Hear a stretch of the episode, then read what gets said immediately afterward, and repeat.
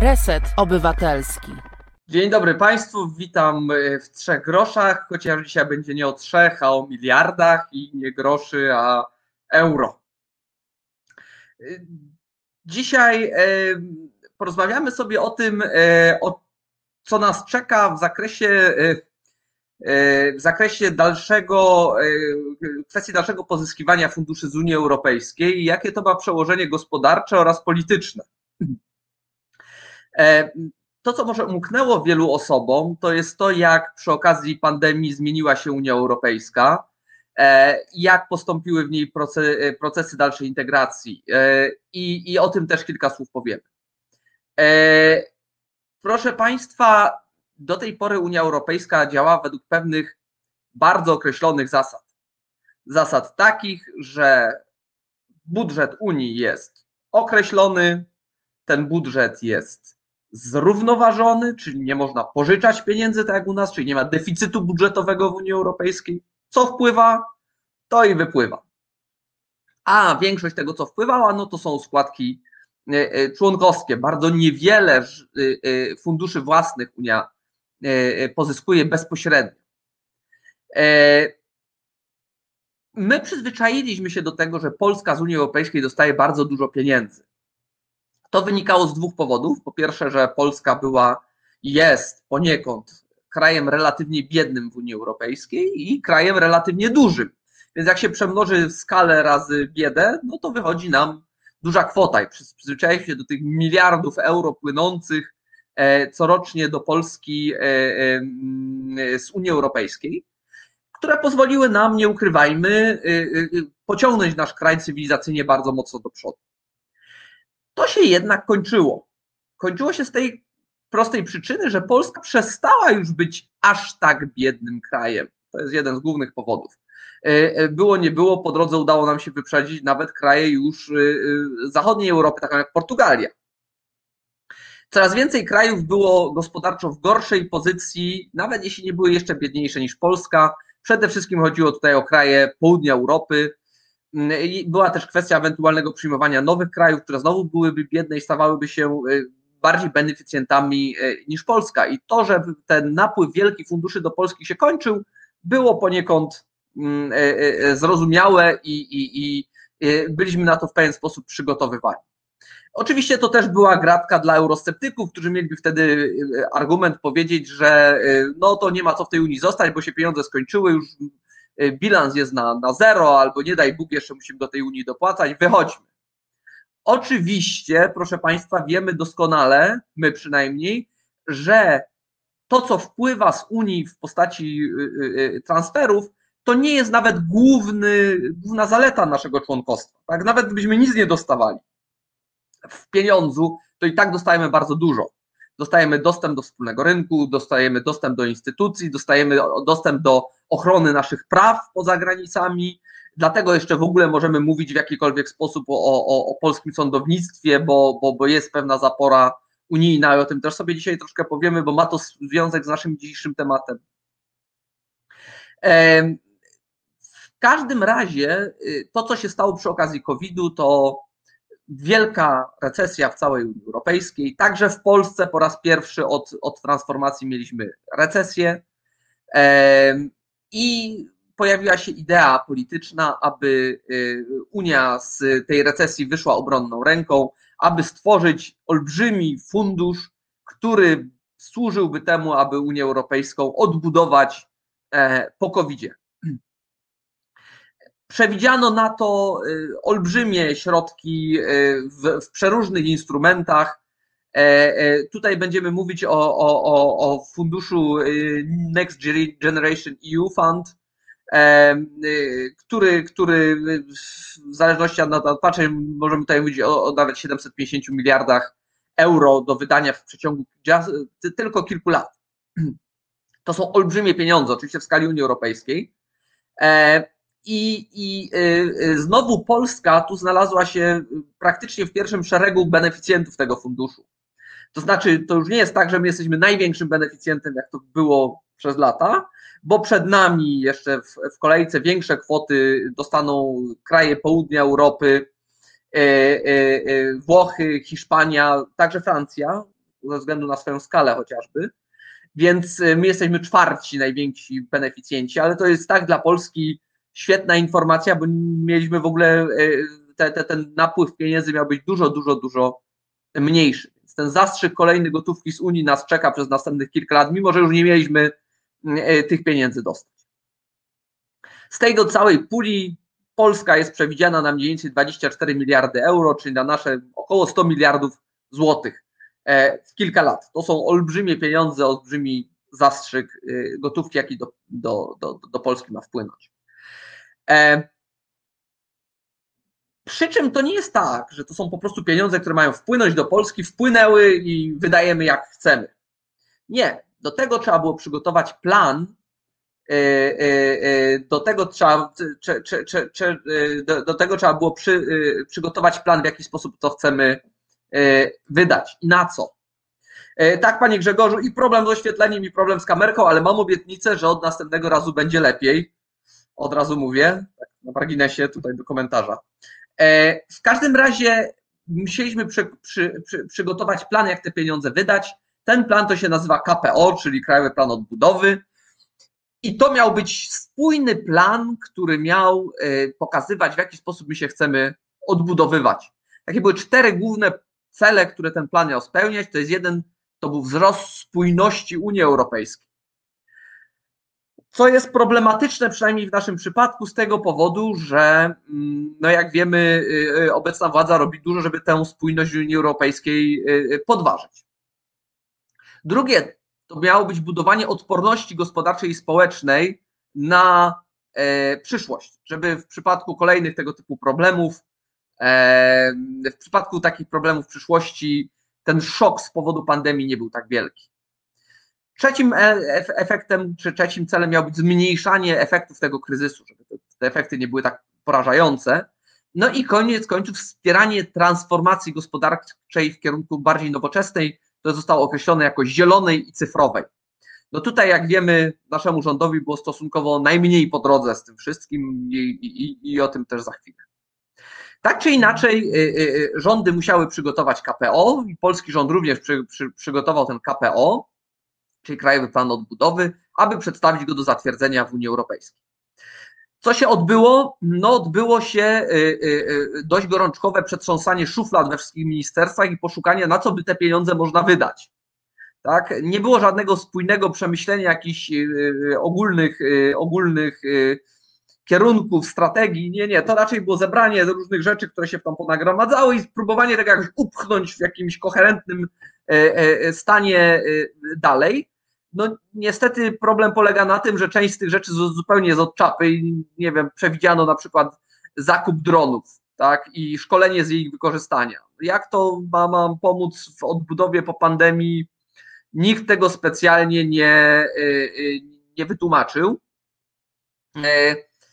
E, y, więc tego typu problemów jest w tym naszym KPO bardzo dużo.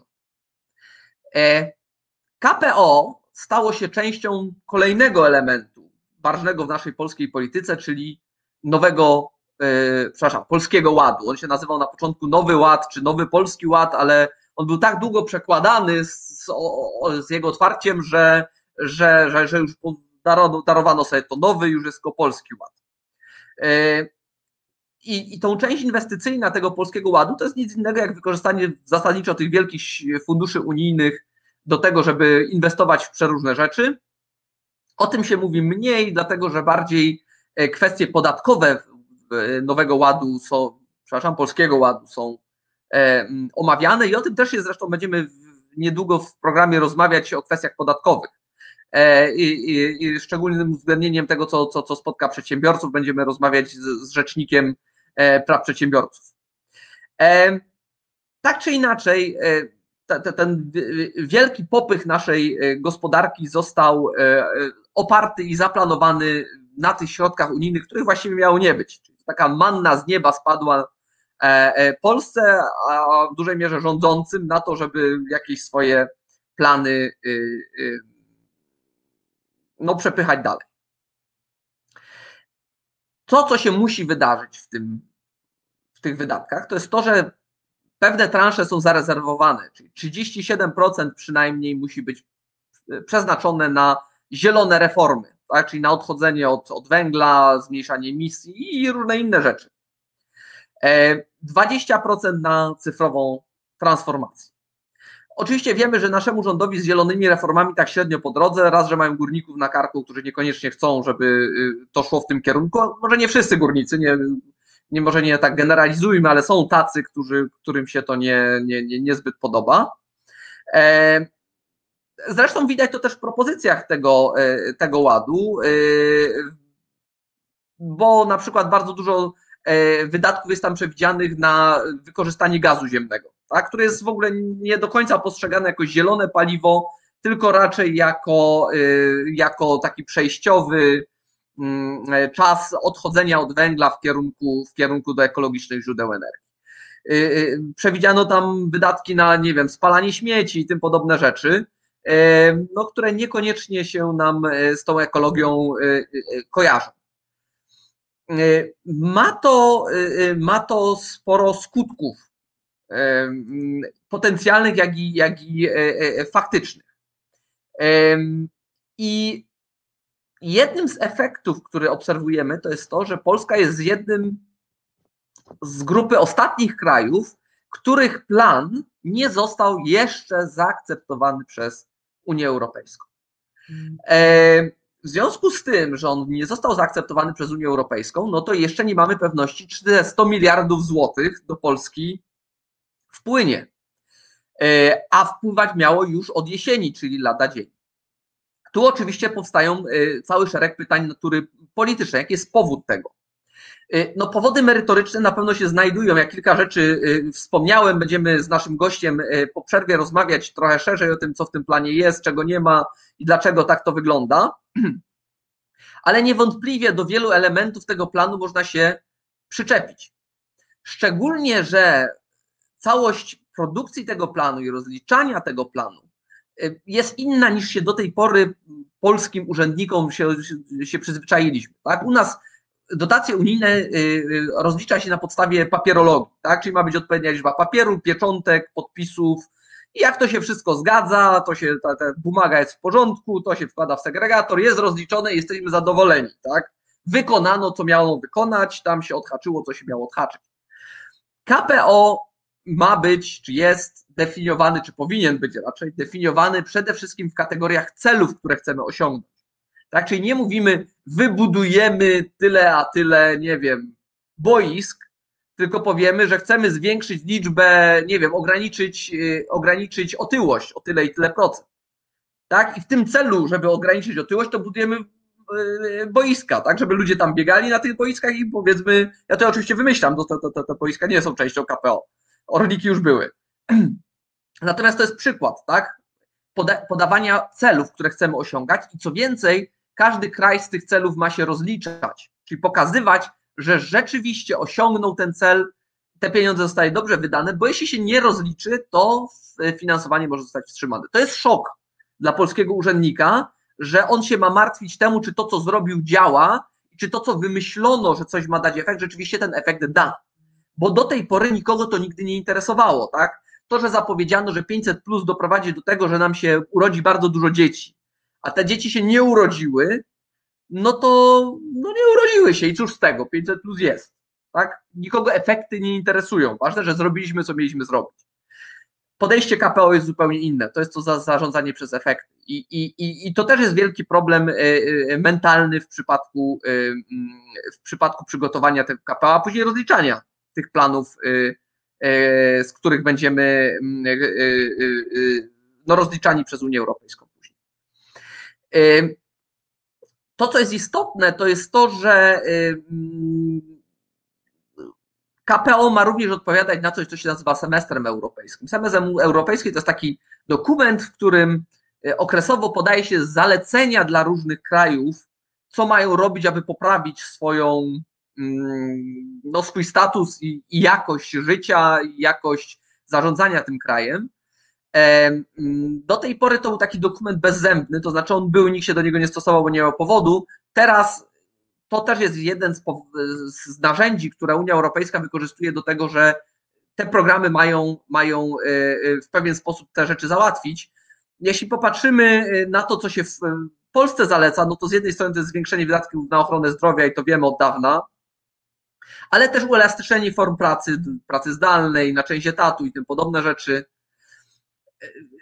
Sprofilowanie wydatków socjalnych, tak żeby się skupić na najbiedniejszych i potrzebujących, a niekoniecznie rozdawać wszystkim jak leci, co jest tutaj jakby polityką gremialną dość rządu, nastawioną przede wszystkim na korupcję polityczną, a niekoniecznie na, na pomoc społeczną. Zwiększenie na przykład atrakcyjności zawodu nauczyciela, tak, które jak wiadomo no, w dużej mierze mamy tam pasjonatów albo ludzi z jakiegoś negatywnego doboru. To jest kwestia. Ale również poprawę jakości sądownictwa w zakresie zarówno niezależności, jak i szybkości postępowania. Jak doskonale wiemy, a dziwię, że, nie, się, że to nie jest nagłaśniane szerzej po tych całych szeregu reform, które nam miały naprawić sądownictwo, statystyki orzekania są jeszcze gorsze niż przed tymi reformami. Tak? Więc to też jest duża kwestia. Ale duży element tych, ty, ty, ty, tego semestru mówi też o rzeczach, które nam bardzo doskwierają w Polsce dotyczących sprawowania władzy.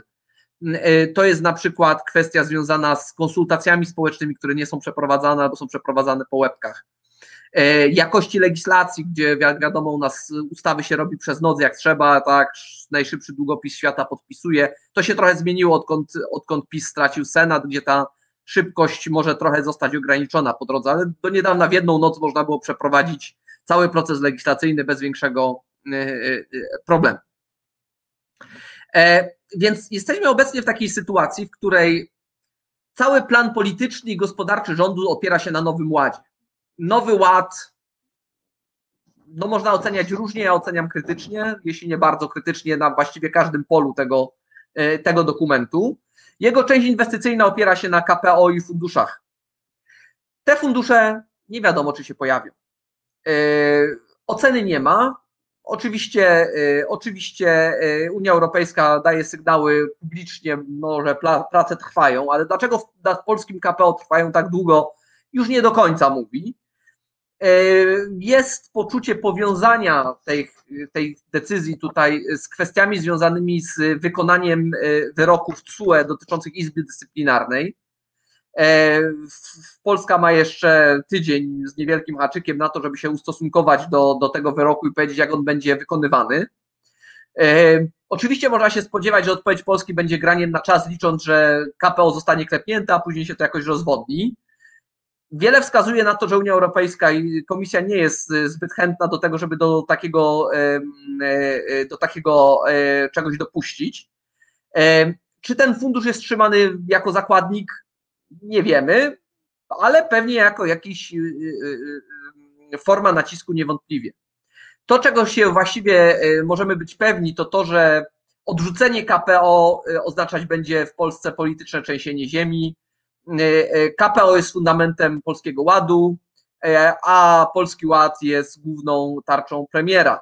Upadek Polskiego Ładu prawdopodobnie oznaczałby w tym samym czasie upadek polskiego premiera, a to niewątpliwie powodowałoby chaos na polskiej scenie politycznej. Niewykluczone, że również głębsze przetasowania, których zresztą jesteśmy też świadkami na bieżąco związanymi z amputacją kolejnych kawałków porozumienia Gowina oraz y, y, y, jego wypychania z koalicji, co chyba lada moment nastąpi.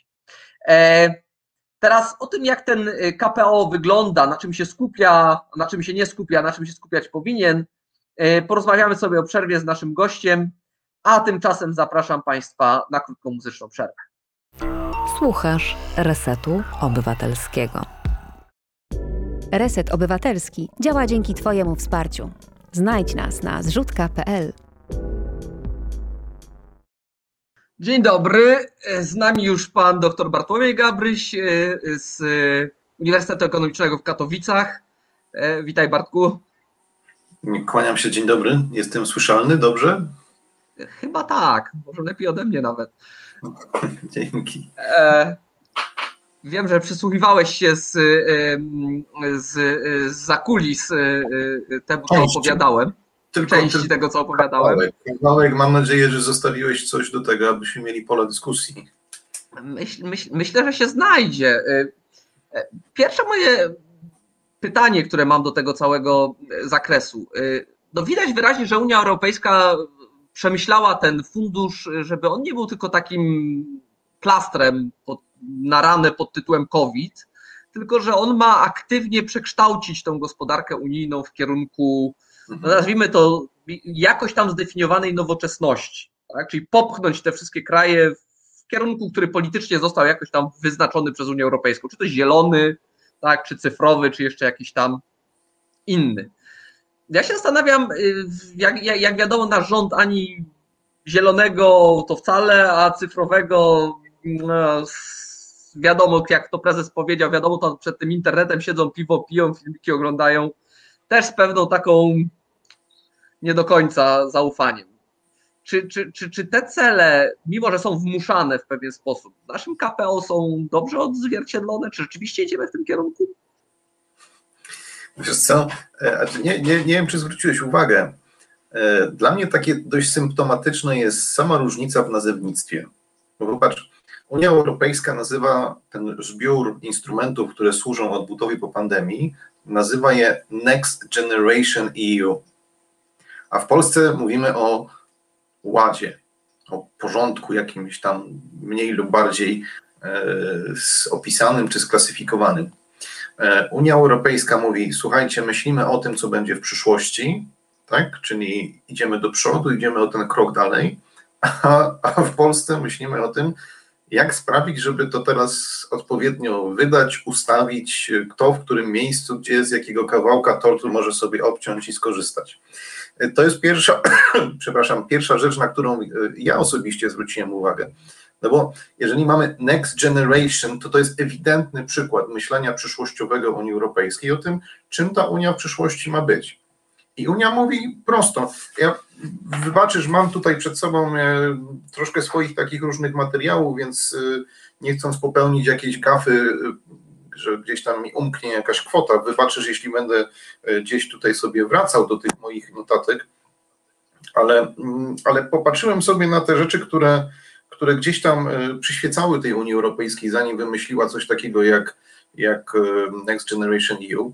E, po pierwsze, e, wiem, że jesteś z, ze sposobu patrzenia na gospodarkę osobą dość liberalną. No, może to niegrzeczne, co powiem, ale a jak się Tobie podoba, że oto instytucja, która miała działać bez zaciągania długów, zaciąga długi w naszym imieniu? To po pierwsze. I to dość spore zobowiązanie finansowe, którego do tej pory nigdy nie było. Pamiętajmy, że Unia działała na zasadzie budżet in plus. Tak? Więc to jest pierwsza rzecz, która jest nowa z perspektywy Unii. No ale czemu ma to służyć?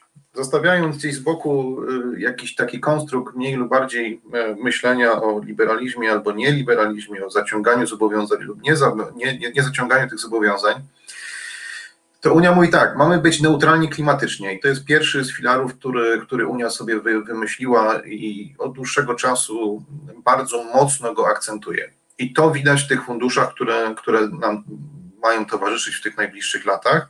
Ładnie je nazwałeś manną z nieba, bo rzeczywiście one wydarzyły się w sposób e, nieprzewidywalny, dość, e, dość szybki. E, jest szansa na to, żeby się znalazły, aczkolwiek o tej szybkości to jeszcze porozmawiamy. Po drugie, Unia mówi, ma być cyfrowa, ma być zdigitalizowana, czyli mówiąc wprost, ma być taką Unią czy takim zespołem państw, który dość, do, dość dobrze sobie radzą, jeśli chodzi o funkcjonowanie poza taką e, strukturą rynku, którą znamy. To znaczy się rano się budzę, wsiadam w samochód, jadę do fabryki, w tej fabryce e, przepracowuję, czy w biurze przepracowuję jakiś czas. W międzyczasie być może wychodzę na jakiś lunch, potem wracam i tak dalej. A tutaj się okazuje, że, że może to wyglądać zupełnie inaczej. Może powinienem pełnić swoje funkcje z domu, z miejsca, albo w ogóle z, każdego, z każdej przestrzeni, która w danym momencie dla mnie jest efektywną przestrzenią do pracy. E, I to e, jedyne co, to mam mieć platformę, która pozwala mi do tego, żeby to realizować. Platformę oczywiście w wymiarze cyfrowym, w tym wymiarze takim pozwalającym na komunikację, na pracę. E, I to jest drugi zamysł. Trzeci. Unia ma się stać interesująca dla inwestorów. To znaczy, to nie może być tak, że te duże podmioty europejskie robiły wszystko, aby produkcję przenosić gdzieś daleko poza Unię Europejską, szczególnie po to, aby obniżać koszty, a jednocześnie znaczącą część tego dodatkowego dochodu realizowanego jako ta różnica pomiędzy kosztami między na przykład państwami azjatyckimi czy, czy, czy dalekiej Azji, a państwami europejskimi, aby ona służyła jako ta nadwyżka, z której korzystają firmy. I to jest, to jest taki dość istotny element. A jeszcze podatki nie, nie zapłacić na Barbados, prawda? No, no na przykład, nie? żeby uciec gdzieś z tą częścią finansową, żeby ona nie pozostawała tutaj w Unii Europejskiej. Zresztą y, nie ma się co obrażać. No, y, firmy mają to do siebie, że szukają optymalizacji kosztów. Dla nich podatek, opodatkowanie jest kosztem, z którym sobie muszą jakoś poradzić. No i to jest odwieczna bitwa jednych z drugimi. Kto będzie nieco lepszy, kto będzie nieco bardziej efektywniejszy, kto będzie więcej ściągał. Także to jest, to jest kolejna rzecz, czyli mamy być miejscem interesującym do inwestowania jako, jako całość, jako Unia Europejska. E, mamy być miejscem, w którym praworządność jako taka, bo Unia dość szeroko to rozumie to pojęcie, ma być e, absolutnym priorytetem. To znaczy się, nie ma w ogóle o tym dyskusji w kategoriach tego, że tu może być trochę więcej, tu trochę może być mniej. Mamy pewien spójny poziom minimum, który realizujemy i to jest minimum, który absolutnie w innym miejscu na świecie nie istnieje. E, I to jest też ważny element. No i ostatnie, to jest takie poszukiwanie mm, odpowiedzi na to wszystko, co dzieje się z dezinformacją. To znaczy się, szukamy, no, popatrzmy, co się dzieje, tak? Y, podpalony punkt y, szczepień y, w jednym miejscu, jakiś, to był też chyba punkt sanepidu, napaść na ludzi, którzy świadczą te usługi, pozostawiając z boku to, czy jesteśmy mniej czy bardziej za tym, żeby się szczepić lub nie. Tu chodzi o to, żeby mieć dostęp do informacji, która jest informacją zweryfikowaną, rzetelną, prawdziwą, abyśmy my jako Europejczycy byli dobrze poinformowani. E, no nie muszę tu mówić o przykładach z na przykład okresu e, poprzedniej kampanii wyborczej, kiedy to dość jednoznacznie stwierdzono, że gdyby nie pomoc e, i profilowanie internetowe, szczególnie na jednym portalu społecznościowym, to nie byłoby wygranej Donalda Trumpa w Stanach Zjednoczonych, prawda? W związku z czym to są te wszystkie elementy, które powodują, że Unia Europejska mówi: Słuchajcie, szanowni Państwo, słuchajcie, szanowni Europejczycy, zadłużamy się dość sporo. Wspominałeś o tej kwocie, to jest około 750 miliardów. To jest duża kwota. To, to, to jest całkiem spory, spory wydatek w skali Unii Europejskiej. Zadłużamy się jako Unia przede wszystkim dlatego, że jako Unia możemy zrobić to taniej. Niektórzy się będą oburzać, ale my tutaj Niemcy, chyba nawet my Polacy bylibyśmy jako Polska w stanie się zadłużyć nieco taniej niż to robi Unia Europejska, albo na podobnym poziomie.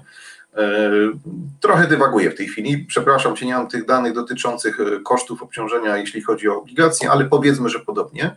Natomiast bez wątpienia dla takich państw jak, e, jak Portugalia, jak Włochy, jak Grecja, jak Hiszpania, to ta pomoc jest dzisiaj dużo mniej kosztowna.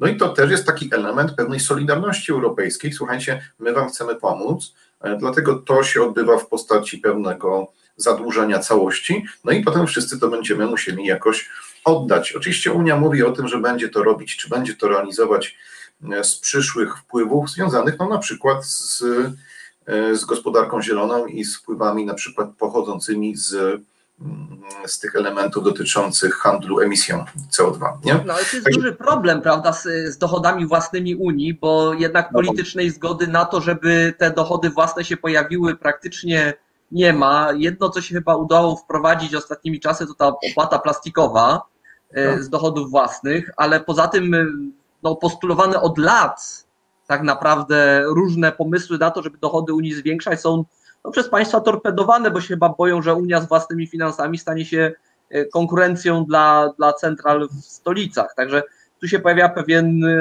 no, pewne pytanie. Z jednej strony oczywiście się mówi o zwiększeniu składek członkowskich na to, żeby to spłacić, no ale to też z tym może być różnie.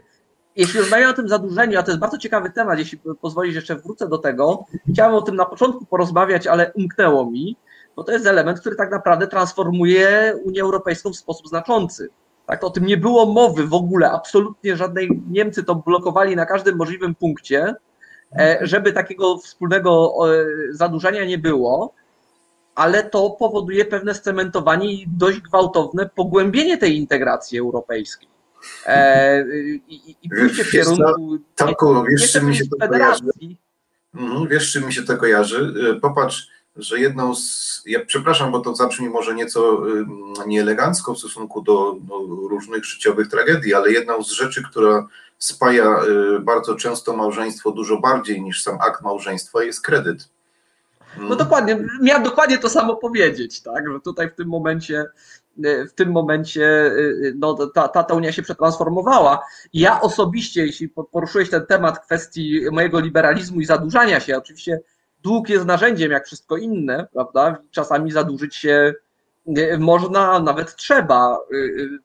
To, co pozostaje, i tutaj jest dla mnie dużo bardziej otwarte pytanie w tym zakresie, na co te pieniądze zostaną wydane, tak? Bo wziąć się i zadłużyć i nie wiem, zainwestować w firmę, to jest w porządku. Wziąć się zadłużyć i nie wiem, kupić mieszkanie, to też może być w porządku, ale wziąć się zadłużyć i pojechać na Dominikanę, Tak. to już może trochę mniej. No to teraz my jedziemy na Dominikanę, czy kupujemy mieszkanie, przez my rozumie A Europa i B Polska.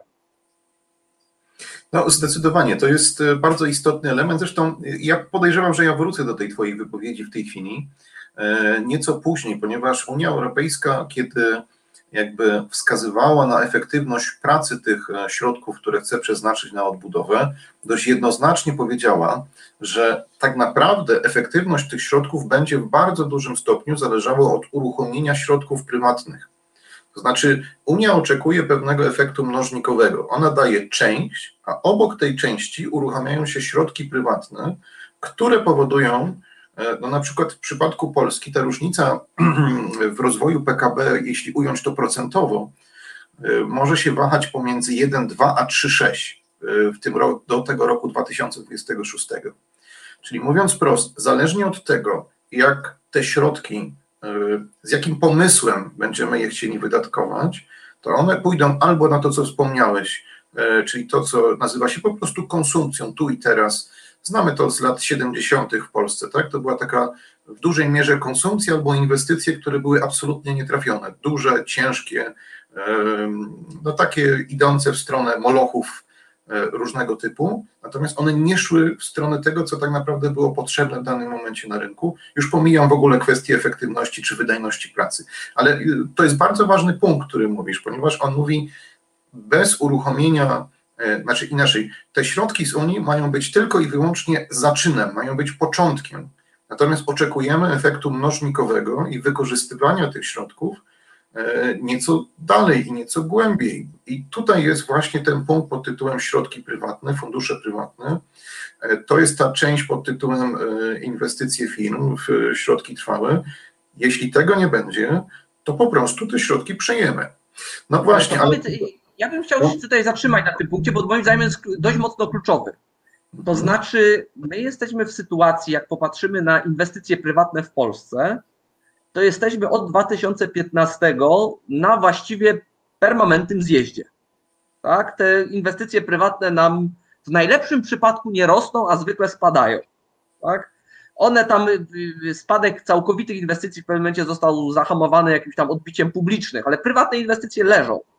No i teraz pytanie, jak sądzisz, czy to rzeczywiście będzie coś, co przekona tych prywatnych inwestorów, żeby zainwestować, czy mamy tak niesprzyjające warunki w Polsce do inwestycji, że to nic nie da? I, i będzie problem, jak nie wiem, z Izerą, której nikt kijem nie chce dotknąć z prywatnych inwestorów, ba, nawet właściwie państwowy PFR go nie chce dotknąć kijem i to trzeba jakoś tam z budżetu praktycznie dopychać, żeby to jakoś się tam w ogóle kulało, bo za dużo premier wizerunków te samochody elektryczne wrzucił.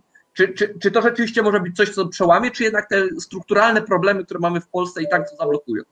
Mhm. No, to nie jest oczywiste pytanie, ale popatrzyłbym na to, na to, na odpowiedź na to pytanie przez pryzmat poszczególnych funduszy, które znajdują się jako środki w ramach Next Generation EU i być może wychodząc z tego spróbować odpowiedzieć na to pytanie, e, czy to ruszy nam trochę przedsiębiorców, czy to ruszy.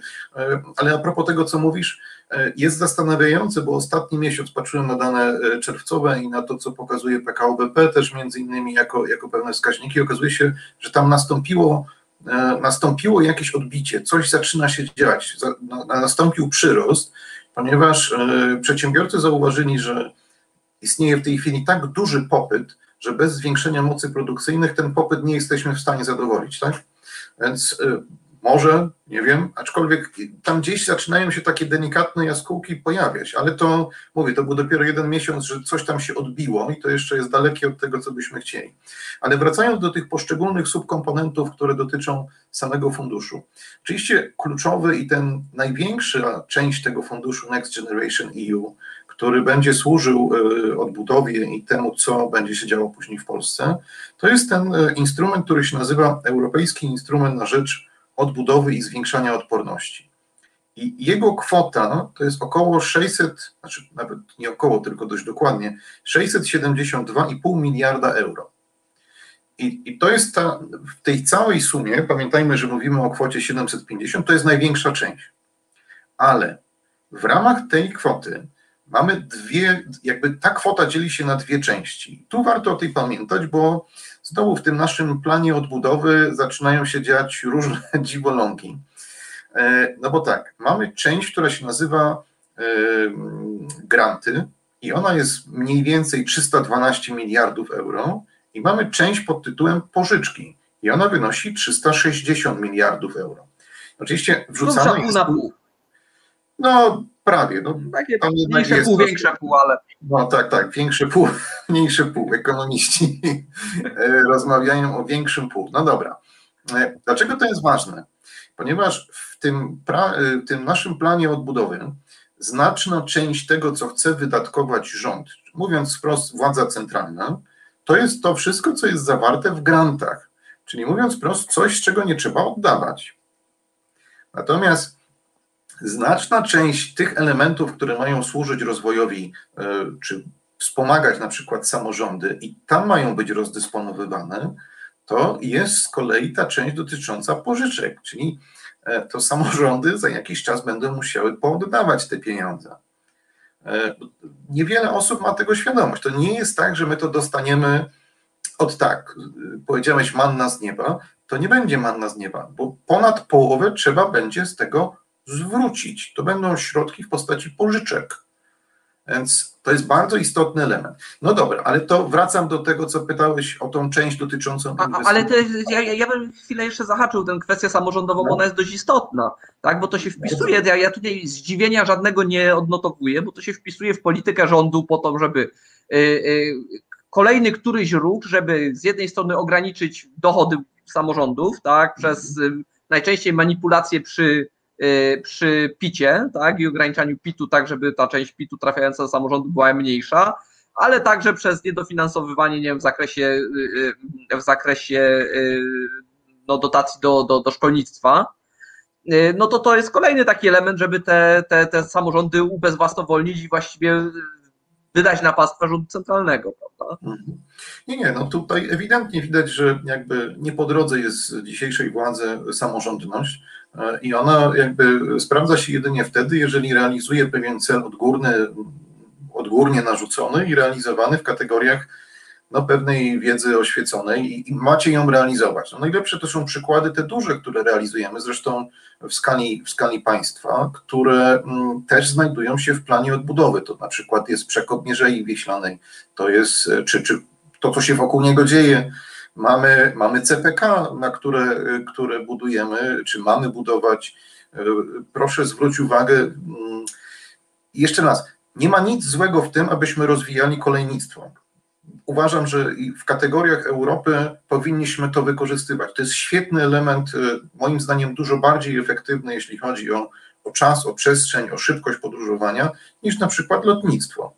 E, natomiast e, Znowu robimy to w taki sposób, gdzie większość samorządowców mówi, ale hola, hola, no, My tu mamy plany zagospodarowania. Ci ludzie tutaj e, budują się już od wielu lat, powstają nowe miejsca. Ja mówię z, też trochę z własnej perspektywy, bo jedna z takich osi ma przebiegać między innymi przez, przez część powiatu mikołowskiego. Ja tu jestem mieszkańcem tego powiatu. No i ona ma przebiegać prawie że przez Śląski Ogród Botaniczny, w miejscu, w którym no, poprzecinane są nowo wybudowane osiedla. No, odbywa się tutaj dość dramatyczna, dramatyczna walka o to, żeby to w ogóle mm, odbyło się w zupełnie innej przestrzeni, w innym miejscu. Ale to znowu jest narzucone, zwróć uwagę, w tej chwili powstanie przecież ustawa, która wprowadzi, no nie będziemy mieli żadnego wpływu na to, co się dzieje. Tak? Przyjdzie ustawa, powie, e, całą wieś wyludniamy, przenosimy w inne miejsce, dziękuję, do widzenia. E, to jest ten przykład myślenia w kategoriach centralnych, a nie w kategoriach tego, co samorządowcy mówią. Tak? Samorządowcy z całego powiatu mojego na przykład, wiem, że byli przeciwni e, tak sformułowanym przebiegom tej, tej sieci CPK, czy tej, tej kolei, która ma iść do CPK, w jakiej ona została przedstawiona. No ale dobra, bo to już jest, za bardzo się skupiam na jednym kawałku, ale, ale to pokazuje pewien sposób myślenia. Centralnie planowane duże inwestycje, duże projekty, które jednocześnie są finansowane oczywiście rządowo, które są finansowane z centralnego budżetu. E, no i tam też jakby to centralnie rozdysponowuje się tych, którzy są dysponentami tych środków, prawda? I to ma pewne konsekwencje. E, wracając do, do, do, do, tego podziału, tego Next Generation. Kolejnym elementem, który moim zdaniem może się jakoś przełożyć na tą część dotyczącą mm, współfinansowania przez podmioty prywatne, to jest ta część dotycząca elementu badawczego. To jest ten, ten środek e, pod tytułem Horyzont 2020 e, z rozszerzeniem. Tam jest 5 miliardów euro, co prawda, ale to są projekty badawcze, które możemy realizować. No i tu by było fajnie, gdyby się udało realizację tych, w realizację tych projektów badawczych właśnie włączyć polskie podmioty gospodarcze, aby w elemencie pod tytułem, nie wiem, cyfryzacja, nie wiem, budujmy te drony, super, ale niech ten proces badawczy, to czemu one mają służyć, jak mają wyglądać, przebiega w jakiejś części w Polsce. Nie? No ale teraz zaczynasz o science fiction rozmawiać zupełnie z dwóch powodów. Po pierwsze, w Polsce y, y, uczestnictwo w horyzoncie naszych instytucji badawczych zawsze było na poziomie znikomym bo myśmy nie potrafili odpowiednio dobrego grantu przygotować i dobrego pomysłu mieć wystarczająco. E, to jest punkt pierwszy, a punkt drugi jest taki, że współpraca uczelni u nas z firmami jest y, żadna, a już taka konkretna to już w ogóle żadna, bo tam coś czasem się coś podpisuje, jakąś umowę o współpracy, coś tam, coś tam, ale to jest sobie umowa, tam się prezes z rektorem uściśnie dłoni, koniec. Natomiast y, y, ja widziałem próby podjęcia współpracy badawczej tak naprawdę, tak, bardzo konkretnej E, firmie, w której, e, z którą współpracowałem. E, najpierw z doktorem takim współpracowała luźno i była propozycja, no to zróbmy jakiś projekt. I koniec końców projekt się nie odbył, bo ten doktor mu powiedział, że jak zacznie ten doktor, to te, te, ten projekt to będzie miał tak przerwane na uczelni, że on w życiu habilitacji nie zrobi. Mhm. No to jest myślę inny temat i na inną dyskusję, natomiast on się pojawia jako element tego, tych środków, które są do dyspozycji, o których się mówi. E, dalej, jest ta część, e, wspominałem e, o tych filarach, na których Unia Europejska opiera cały ten pomysł, cały ten fundusz, czyli ta część pod tytułem Invest EU. I tu jest też element do przyciągnięcia inwestorów, którzy mogliby się znaleźć, i to jest znowu element pod tytułem rozwijamy. Tam są pozostałe jeszcze elementy pod tytułem rozwój obszarów wiejskich, tam jest 7,5 miliarda euro. Jest też część pod tytułem, którą my chcemy dość mocno skorzystać, aczkolwiek ona jest niewielkim elementem, czyli Fundusz na Rzecz Sprawiedliwej Transformacji, e, czyli to, co na przykład e, będzie się działo, jeśli chodzi o górnictwo i to, co się będzie działo z tymi branżami, nazwijmy je tradycyjne, e, które będą musiały przejść transformację. No, węgiel się kończy, czy tego chcemy, czy nie. I coś z nim, coś z osobami, które tam pracują, trzeba będzie zrobić, a nie będzie to proste. W związku z czym, co to dla nas oznacza? Mamy szansę dostać w grantach jakieś 24 miliardy euro. Mamy szansę dostać w pożyczkach, bo już teraz mówię o tym, co dla Polski, około 33 miliardy euro. Dodać do tego te pozostałe elementy to jest jakieś 64 miliardy euro dla Polski. I teraz zależnie od oczywiście przelicznika, czasem to będzie 770, tak jak to tam jest na tych banerach, które czasami widzimy, a czasami jest to trochę więcej, trochę mniej, to zależy. Ale nic z nich nie dostaniemy, albo prawie nic z nich nie dostaniemy, jeżeli nie zrobimy jeszcze jednej ważnej rzeczy. Nie podpiszemy zobowiązania, że oto staniemy się neutralni klimatycznie do 2050 roku, a tego ciągle jeszcze nie zrobiliśmy. I za każdy rok, w którym ten podpis nie zostanie złożony, będziemy mieli obcinane o ten rok środki. Bezwzględnie. Tam nie będzie dyskusji o tym. Jest jeszcze jedna rzecz, o której warto wspomnieć. Mówiłeś o wydatkowaniu środków i o tym, że mm, chowa się prawda, efekty, napisze się raport, złoży tam faktury, wszystko się zgadza, wydatkowanie super, wkłada się do szafy i super. E, my nie jesteśmy członkiem prokuratury europejskiej i uciekamy od tego, żeby do niej przynależeć. A ona właśnie. Prokuratorii masz na myśli.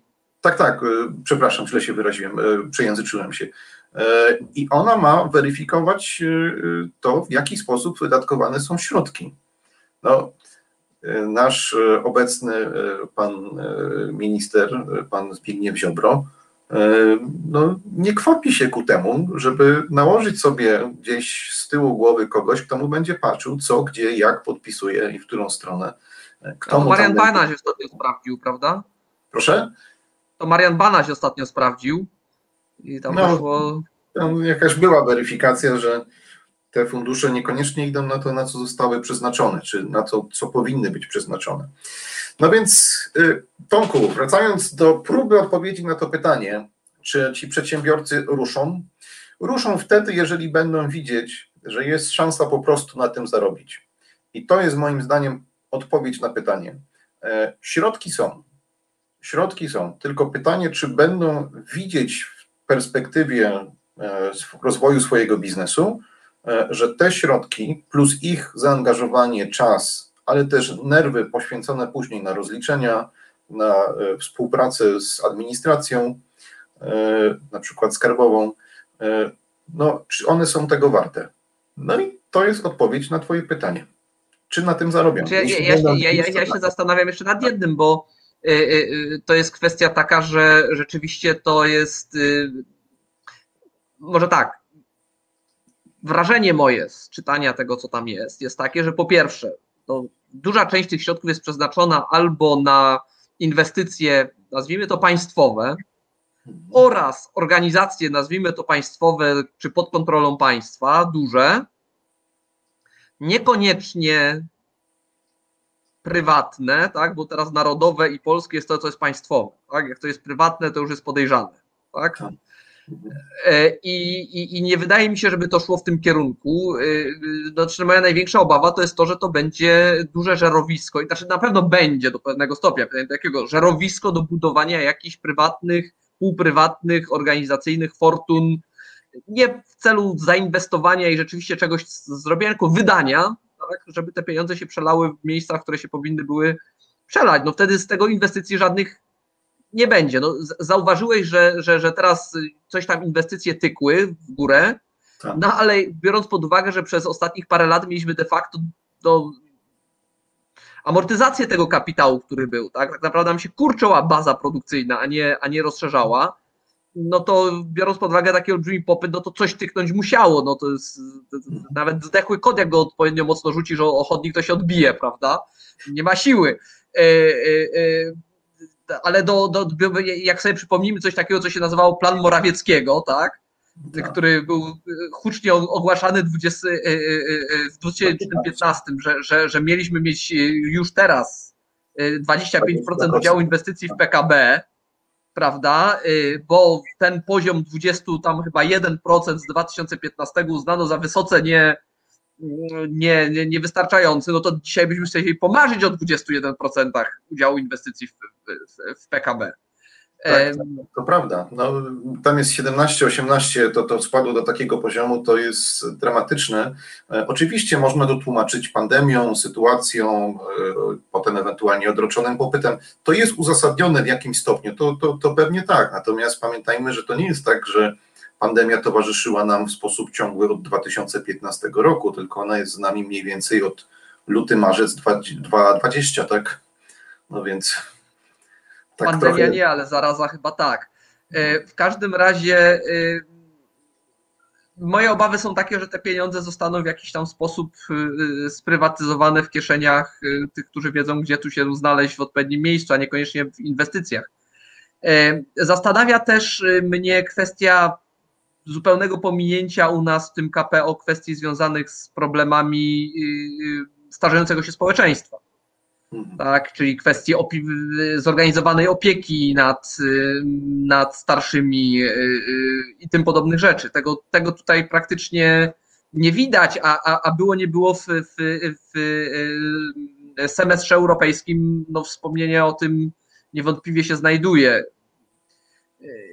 Dla mnie ten cały program jest w dużej mierze, tak jakbym powiedział, jakby przeszli po ministerstwach i wyczepali z szuflad to, co się tam pozbierało w międzyczasie i co tam kto dla siebie jest w stanie ugryźć. Jakby nie mam tutaj jak większego optymizmu w oczach, szczerze powiedziawszy. Nie wiem, czy znaczy, popatrz, popatrz Tomku, jeżeli popatrzysz również na, mm, może inaczej, znaczna część e, e, państw europejskich, myśmy mieli czas do końca kwietnia, złożyła plany w określonym czasie, myśmy mieli tam pewien poślizg, ale powiedzmy, że ok, że złożyliśmy w terminie.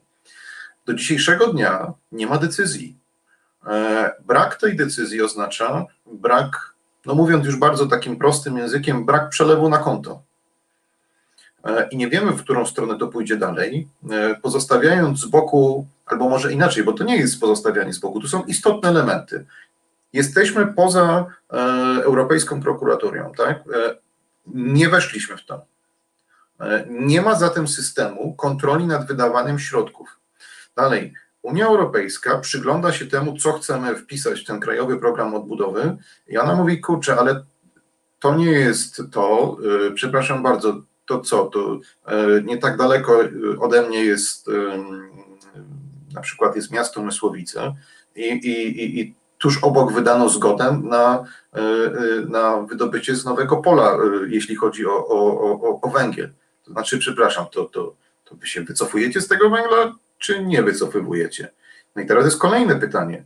Czy zatem będą konsekwencje i czy te konsekwencje dotkną tylko gminy, w tym przypadku akurat Mysłowice, ale to nie tylko case pod tytułem Mysłowice, przecież mm, Rybnik Paruszowiec, tam też jest y, poważny problem. No ale okej, okay. czy to jest tylko do gminy, czy to jest do, do województwa, czy to jest do powiatu, czy to jest może do tego, y, jak, jak, jest, rozumowa, jak jest rozumowany region w Unii Europejskiej, tak? kogo to ma dotknąć? I, I, może się okazać, że my w ogóle tych środków nie dotkniemy, bo nie będzie spełniać warunków, które Unia Europejska założyła. Wspominałeś o tych środkach. 37%, o ile dobrze pamiętam, e, to tak. są środki, które mają iść na e, energetykę, znaczy w ogóle na, na tak zwaną e, zieloność, tak? Dobrze pamiętam? Tak, tak. tak transformacja, 37%, natomiast 20% transformacja cyfrowa to jest 57 środków, 57% środków jest jasno określone, na co ma zmierzać. Tam nie można zapisać, e, że teraz wybudujemy e, coś innego. To ma być konkret, a tych konkretów widocznie nie ma i najwyraźniej e, Unia przestała patrzeć na to przez palce, tylko dość konkretnie widzi problemy, pyta o nie i nie uzyskuje odpowiedzi. Cóż, pozostaje nam trzymać kciuki, żeby to się jakoś jednak przesmyrgnęło, bo y, y, no, są to olbrzymie środki, które rzeczywiście ich brak możemy odczuć bardzo, bardzo dotkliwie. Y, I odpowiadając na, na, na pytanie pana Bleso, tak, Nowy Ład ograniczy środki wpływające do samorządu ze względu na zmiany w podatku dochodowym, tak, czyli podniesienie, podniesienie kwoty wolnej i tak dalej spowoduje, że, że samorządy dostaną mniej pieniędzy. E, tymczasem jednak musimy kończyć, bo realizacja naciska, jako że nowy program, e, e, następny program jest już za minutę. Bartku, bardzo dziękuję za przyjęcie zaproszenia. Mam nadzieję, że się jeszcze zobaczymy.